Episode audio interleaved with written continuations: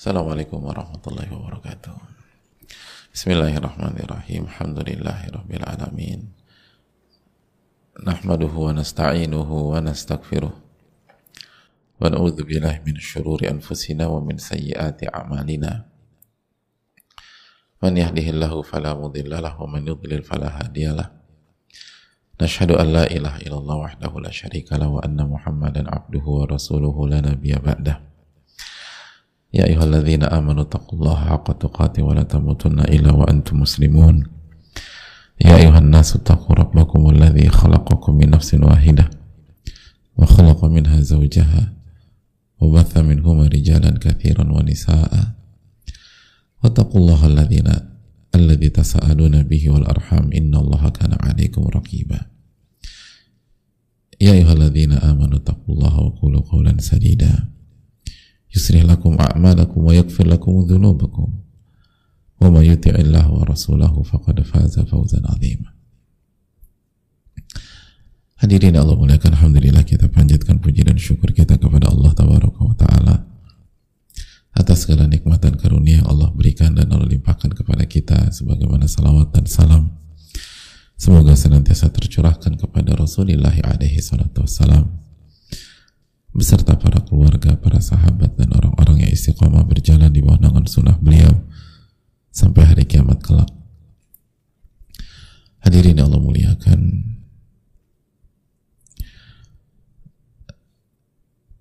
Kembali kita berjumpa pada pagi hari ini dengan taufik dan pertolongan Allah Subhanahu wa taala. Dan ini nikmat yang sangat mahal hadirin karena ini adalah nikmat yang langsung berkaitan dengan kebahagiaan kita di dunia dan di akhirat. Karena ilmu adalah kehidupan, sebagaimana dijelaskan oleh para ulama. Maka tidak ada kehidupan yang hakiki, tidak ada kehidupan yang sejati, tidak ada kehidupan yang bahagia tanpa ilmu. Allah berfirman dalam surat Taha 124, "Waman a'rada an dzikri fa inna lahu ma'isyatan dzunka."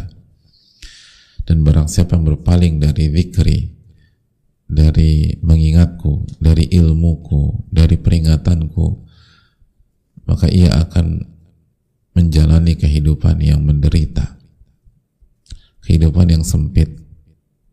Wa nasyuruhu yaumal qiyamati a'ma dan kami akan kumpulkan dia dalam kondisi buta pada hari kiamat. Jadi berpaling dari ilmu dan berpaling dari mengingat Allah Subhanahu wa taala hanya akan men, hanya akan mengantarkan kita pada kehancuran. Hanya akan membuat kita berantakan, hanya akan membuat kita jatuh, hanya akan membuat kita terpuruk, hanya akan membuat kita merasa sempit di tengah keluasan harta merasa sempit di tengah luasnya fasilitas. Dan itulah kemaha kekuasaan Allah Subhanahu wa taala. Kemaha kuasaan Allah. Allah itu dengan mudah membuat kita hidup sempit padahal semuanya ada secara fasilitas. Semuanya ada tapi Allah nggak kasih kelapangan dan kemahakuasaan Allah Allah bisa membuat kita merasa lapang dan luas padahal pas nggak punya apa-apa. Padahal nggak pas nggak punya apa-apa.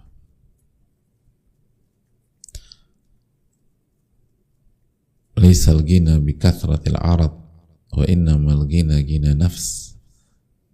Nabi kita sallallahu alaihi wasallam bersabda kekayaan itu bukan kekayaan aset dan fasilitas serta harta tapi kekayaan adalah kekayaan jiwa. Itu hal yang perlu kita camkan. Hadirin Allah muliakan adapun saat jika kita kembali ke Riyadus Solihin kita berada di hadis terakhir dari bab an-nafaqu 'alal 'alal iyal bab nafkah kepada al-iyal kepada keluarga kalau kita terjemahkan secara umum.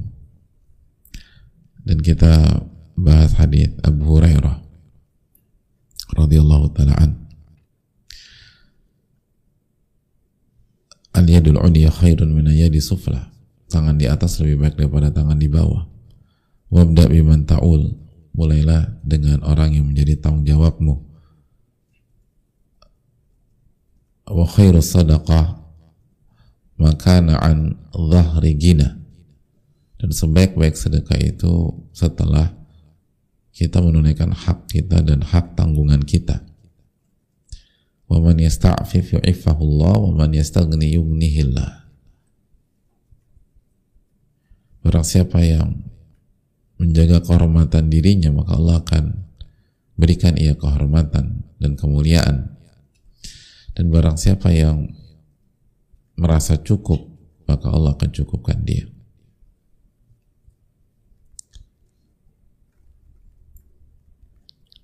Hadirin Allah muliakan.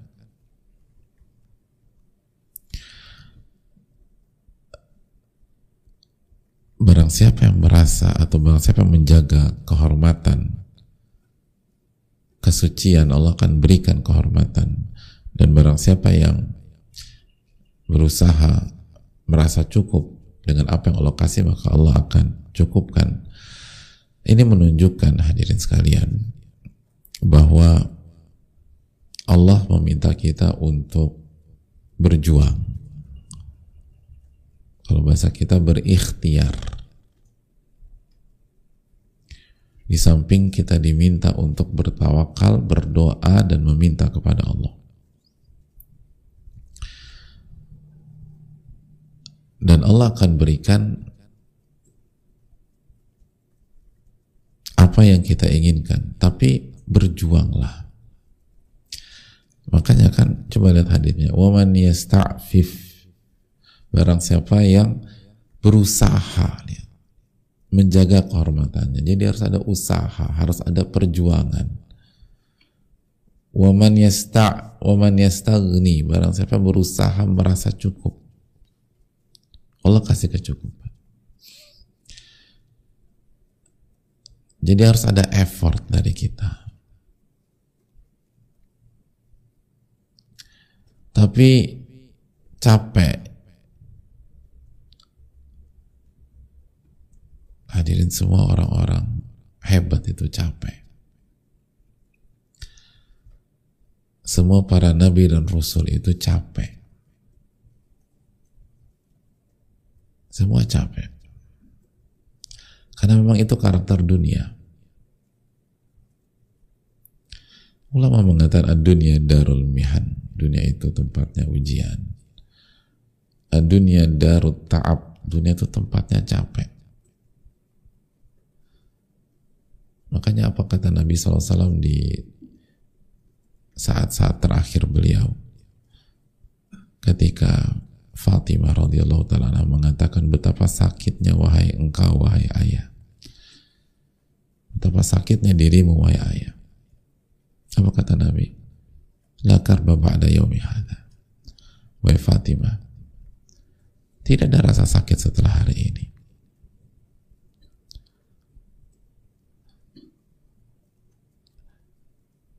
Memang dunia itu memang tempatnya rasa sakit hadir. Bagi orang-orang beriman. Dan semua berakhir setelah kematian atau wafatnya orang-orang yang bertakwa. Oleh karena itu hadirin Allah muliakan harus ada perjuangan menjaga kehormatan. Waman yasta'fif yu'ifahullah. Barang siapa menjaga kehormatan, dia akan diberikan kehormatan oleh Allah. Barang siapa merasa cukup,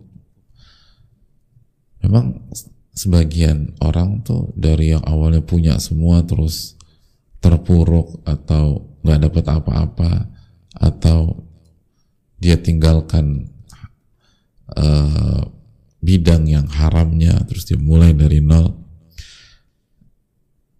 merasa cukup dengan uang misalnya 500 ribu.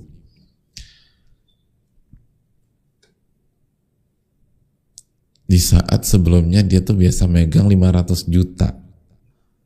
Itu memang butuh perjuangan.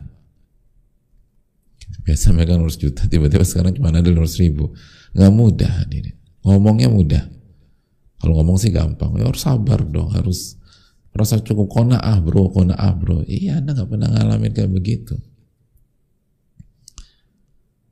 Anda nggak pernah ngalamin dulu ada semua, sekarang nggak ada apa-apa. Tapi kalau kita berjuang, kita bertawakal kepada Allah, minta tolong sama Allah, ya Allah tolong kasih jiwa kona'ah. Terus kita perjuangkan, kita jalani aja. Pokoknya gimana cara cukup gitu loh. Tanpa menggolimi orang dan terus berjuang dan berusaha. Nanti Allah kasih kecukupan hadirin. Begitu juga dengan menjaga kehormatan kan? Kalau kita tetap ini nggak minta-minta uang sama nggak minta-minta uang sama si B. Nggak minta-minta uang. Atau makna yang kedua kita jaga kehormatan kita kita tidak apa tidak berzina. Hormatan ada kaitannya dengan zina. Terus kita kita perjuangkan.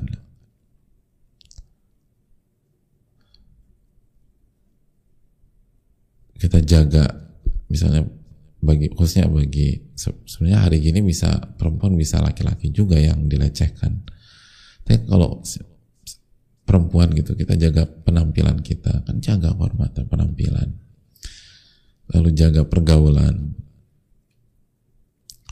Dan kalau ada yang berusaha macam-macam tegas dari awal nggak buka pintu nanti Allah akan jaga kehormatan kita. Allah akan jaga kehormatan kita. Jadi hadirin Allah muliakan men, di, apa uh, kehormatan yang diberikan oleh Allah, kecukupan yang Allah berikan, itu butuh perjuangan itu, boy. Butuh perjuangan. Nggak nggak nggak sesimpel itu. Jadi kalau misalnya kita dalam dalam fase berjuang kok apa namanya eh, berat ya, ya semua orang merasakan itu. Semua orang yang berjuang maksudnya, semua orang yang dikasih oleh Allah kehormatan dan kecukupan. Sabar.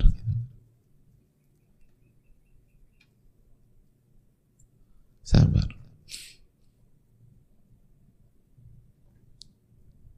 Sebagaimana ketika orang mencari jalan pintas dan menabrak batasan Allah, ia sebenarnya kan hanya memilih kenikmatan semu dan sementara. Makanya kan kulu wa tamatta'u qalilan innakum mujrimun dalam surat al-mursalat. Makanlah dan nikmatilah qalilan tapi nggak banyak. Kalian tuh mujrimun kalian tuh pendosa. Jadi kalau kalian nggak mau diatur kalau kalian mau suka-suka kalau kalian hanya ingin cari jalan pintas jalan pintas jalan pintas udah makan dan dan apa bersenang-senang lah. Tapi bersenang-senangnya kalian itu tuh sementara doang. Bersenang-senangnya kalian itu tuh sebentar sedikit dibanding apa yang Allah janjikan nanti di hari kiamat kelak. Bahkan sebelum itu di dunia anda bersenang-senang tapi senang-senang kan berbeda dengan kebahagiaan sejati hadir.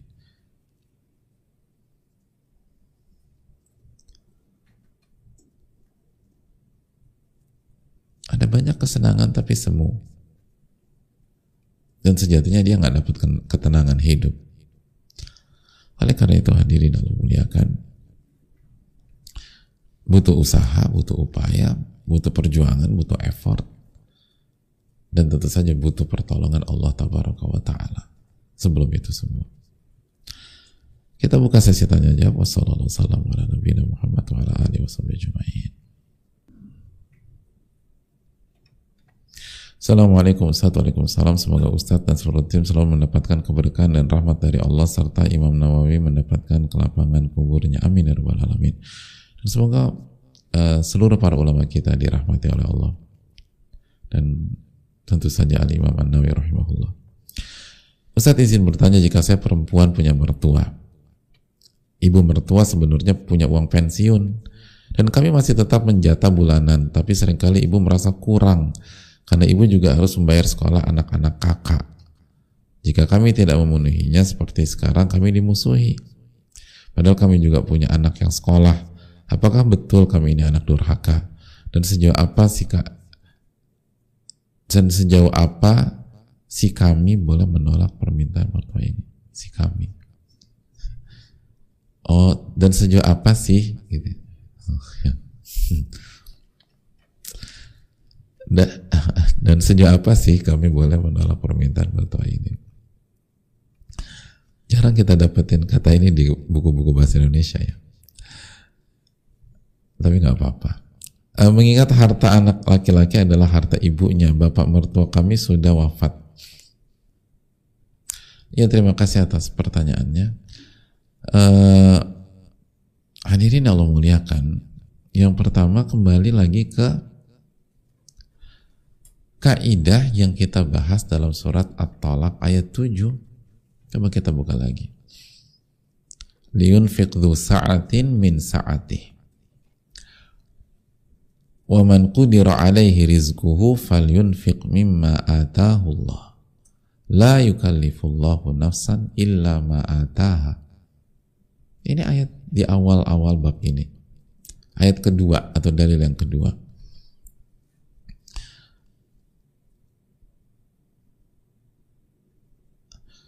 Jadi Allah berfirman, hendaknya orang yang punya kelapangan itu memberikan nafkah sesuai dengan kelapangannya.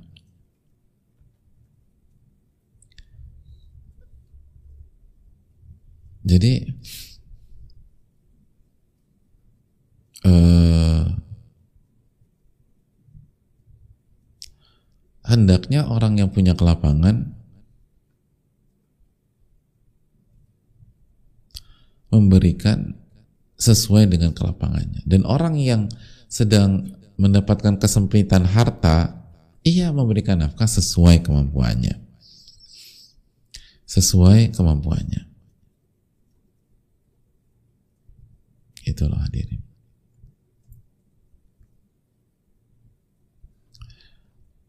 Hadirin Allah muliakan. Lalu Allah berfirman, La yukallifullahu nafsan ila ma'ataha.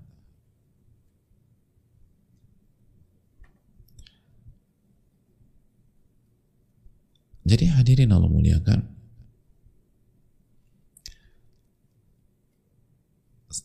Allah tidak membebankan kalian kecuali sesuai dengan apa yang Allah berikan kepada kalian.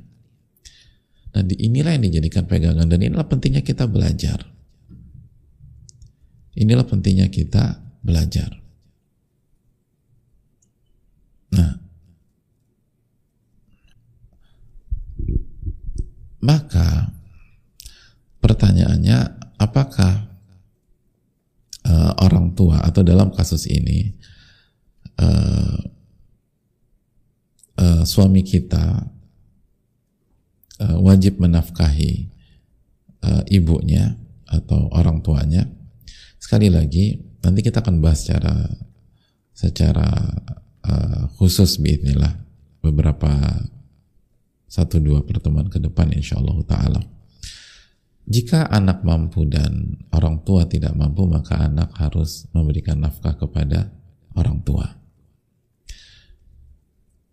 Tapi kita, tapi kita juga punya anak yang masih sekolah. Kembali ke, ke ayat di atas. Kasih nafkah itu sesuai kemampuan. Bukan sesuai keinginan yang dikasih nafkah. Ya sama kalau, tapi istri merasa nafkahnya nggak cukup. Kalau pakai perasaan yang dikasih nafkah nggak akan selesai. Memberi nafkah itu bukan pakai parameternya bukan pakai perasaan, apalagi perasaan dari pihak yang dikasih nafkah. Maka akan ada banyak orang yang merasa nggak cukup. Memberikan nafkah kembali ke surat At-Talaq ayat 7 sesuai dengan kemampuan dan apa yang Allah berikan. Liunfik du sa'atin min sa'ati wa maqudira alaihi rizquhu falyunfik mimma atahu Allah. La yukallifullahu nafsan illa ma ataha itu poin itu kaidah pokoknya jadikanlah ayat ini sebagai kaidah besar dan itulah muaf apa muafaknya al Imam An Nawawi Imam Nawawi diberikan taufik oleh membawa memberikan dalil yang jadi Riyadus kan tidak tidak memaparkan seluruh dalil dalam sebuah pembahasan, tapi dalil-dalil yang Imam Nawawi pilih itu dampaknya tuh besar dan itu kaedah. Rahimahullahu rahmatan wasi'ah semoga Allah rahmati beliau dengan rahmat yang luas. Jadi hadirin Allah muliakan uh, itu yang pertama sesuai kemampuan Makanya misalnya contoh ini ada kaitan dengan sekolah ya. Sekolah itu tapi nggak cukup dengan uang sekolah. Sekolah itu juga kan sesuai dengan kemampuan karena itu masuk ke dalam bab nafkah nanti kita bahas. Dan sekolah kan macam-macam. Mulai dari yang masuknya gratis sampai yang masuknya bayar ratusan juta. Itu ada di negeri kita. Ya kalau kemampuan kita bayar SPP misalnya 200 ribu, ya jangan masukin yang puluhan juta. Ya nggak akan cukup. Dan jangan bawa narasi, tapi anak kan harus sekolah. Ya harus sekolah, tapi kan nggak harus di sekolah itu. Sesuai kemampuan. Sesuai kemampuan. Itu hal yang perlu kita camkan. Jadi hadirin Allah muliakan. Uh, itu poin. Poin yang kedua, adapun apa tadi harta anak laki-laki milik ibunya ya. Mana sih? Mengingat harta anak laki-laki adalah harta ibunya.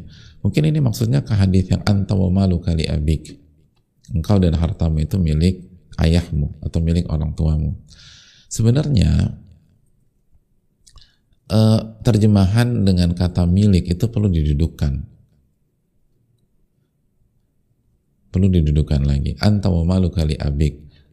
Engkau dan hartamu li ayahmu gitu, li ayahmu. Eh, hadirin Allah muliakan mayoritas fukoha, mayoritas dijelaskan para ulama, itu tidak menyimpulkan dengan letter lek zohir hadis tersebut. Sehingga sehingga kesimpulannya harta anak tuh milik orang tua, bukan ke sana.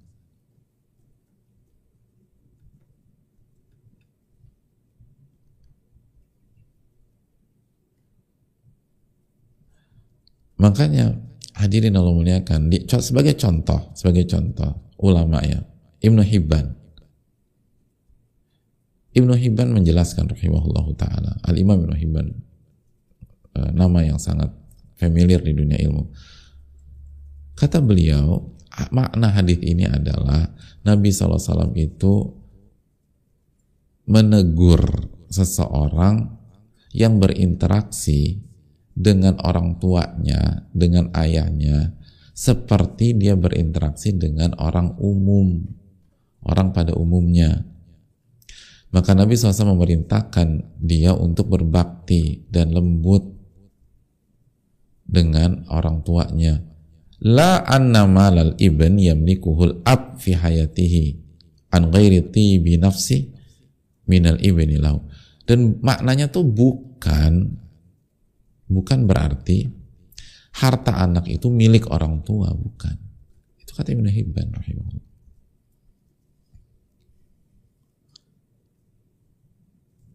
Tidak. Jadi harta anak bu, makna hadis ini bukan berarti harta anak milik orang tuanya. Mau anak laki-laki mau anak perempuan. Dan bisa dimiliki tanpa keriduan dari diri si anak. Gitu Jadi pembahasan hadis ini cukup panjang hadirin.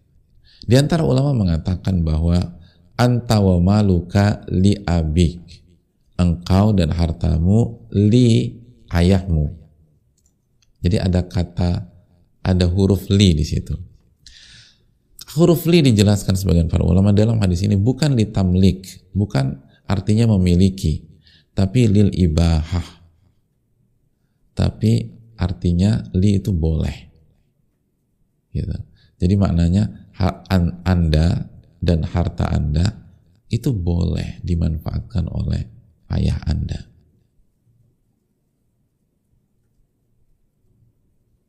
Bukan milik ayah Anda. Gitu.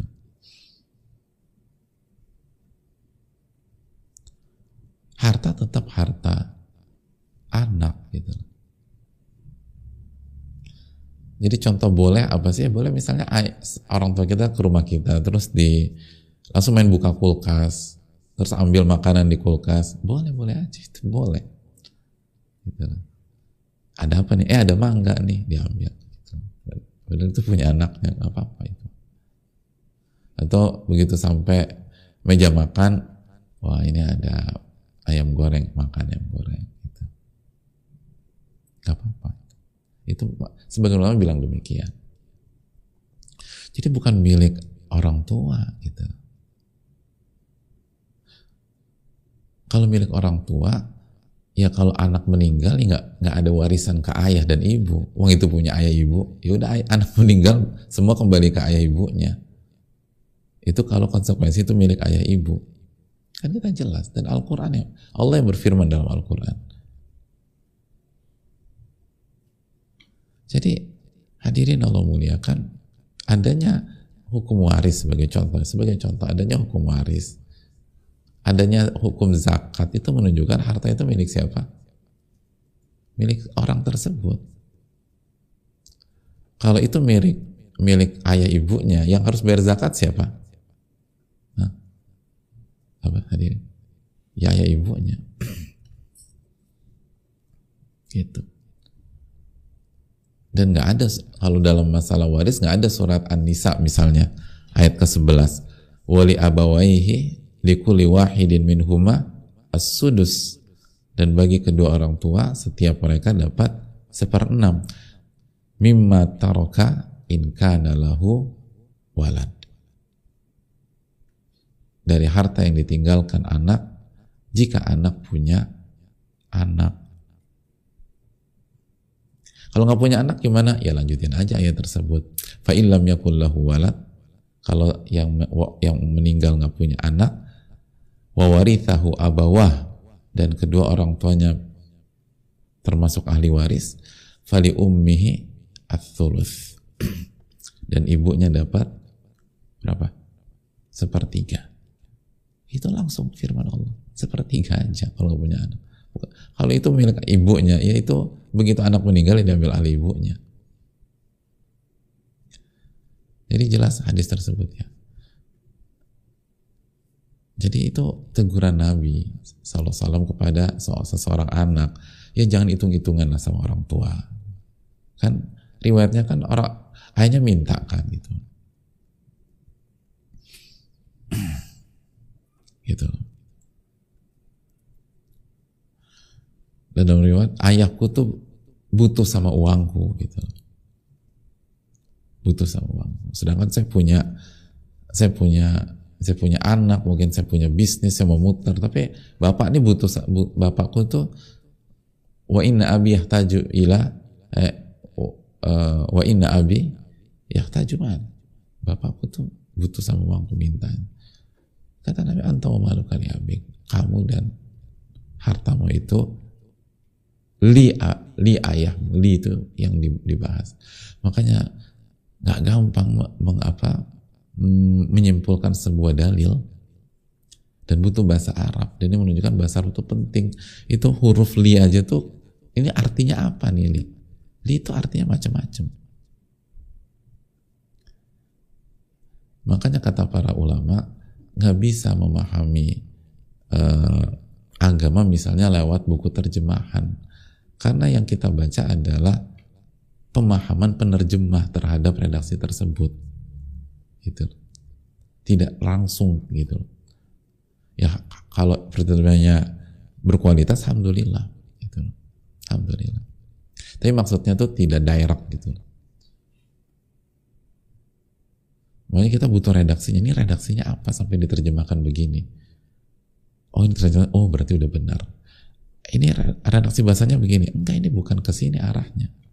Ini maksudnya ke sana gitu. Makanya itu menunjukkan dalil itu penting dan validasi dalil penting jelas. Tapi selesai masalah belum? Pertanyaan berikutnya bagaimana memahami dengan benar sesuai dengan yang diinginkan Rasulullah SAW yang Nabi SAW ajarkan kepada sahabat, lalu sahabat ajarkan kepada tabiin, lalu ke tabiut tabiin, lalu ke uh, para ulama berikutnya seperti al imam uh, imam yang empat dan lain sebagainya. Begitu poin. Jelasin ya jadi tetap ke jadi bukan berarti itu milik orang tua enggak. Saya rasa cukup dulu sampai di sini untuk pagi hari ini ya hadirin Jazakallah khairan, semoga bermanfaat. Insya Allah kita lanjutkan pertemuan di pertemuan besok insya Allah dan semoga ada uh, pertanyaan-pertanyaan lagi yang bisa kita bahas dan kita diskusikan. Dan semoga Allah terima amal ibadah kita dan Allah berikan kita ilmu nafi dan Allah lindungi kita dari ilmu yang tidak bermanfaat. Subhanakallahumma anta assalamualaikum warahmatullahi wabarakatuh.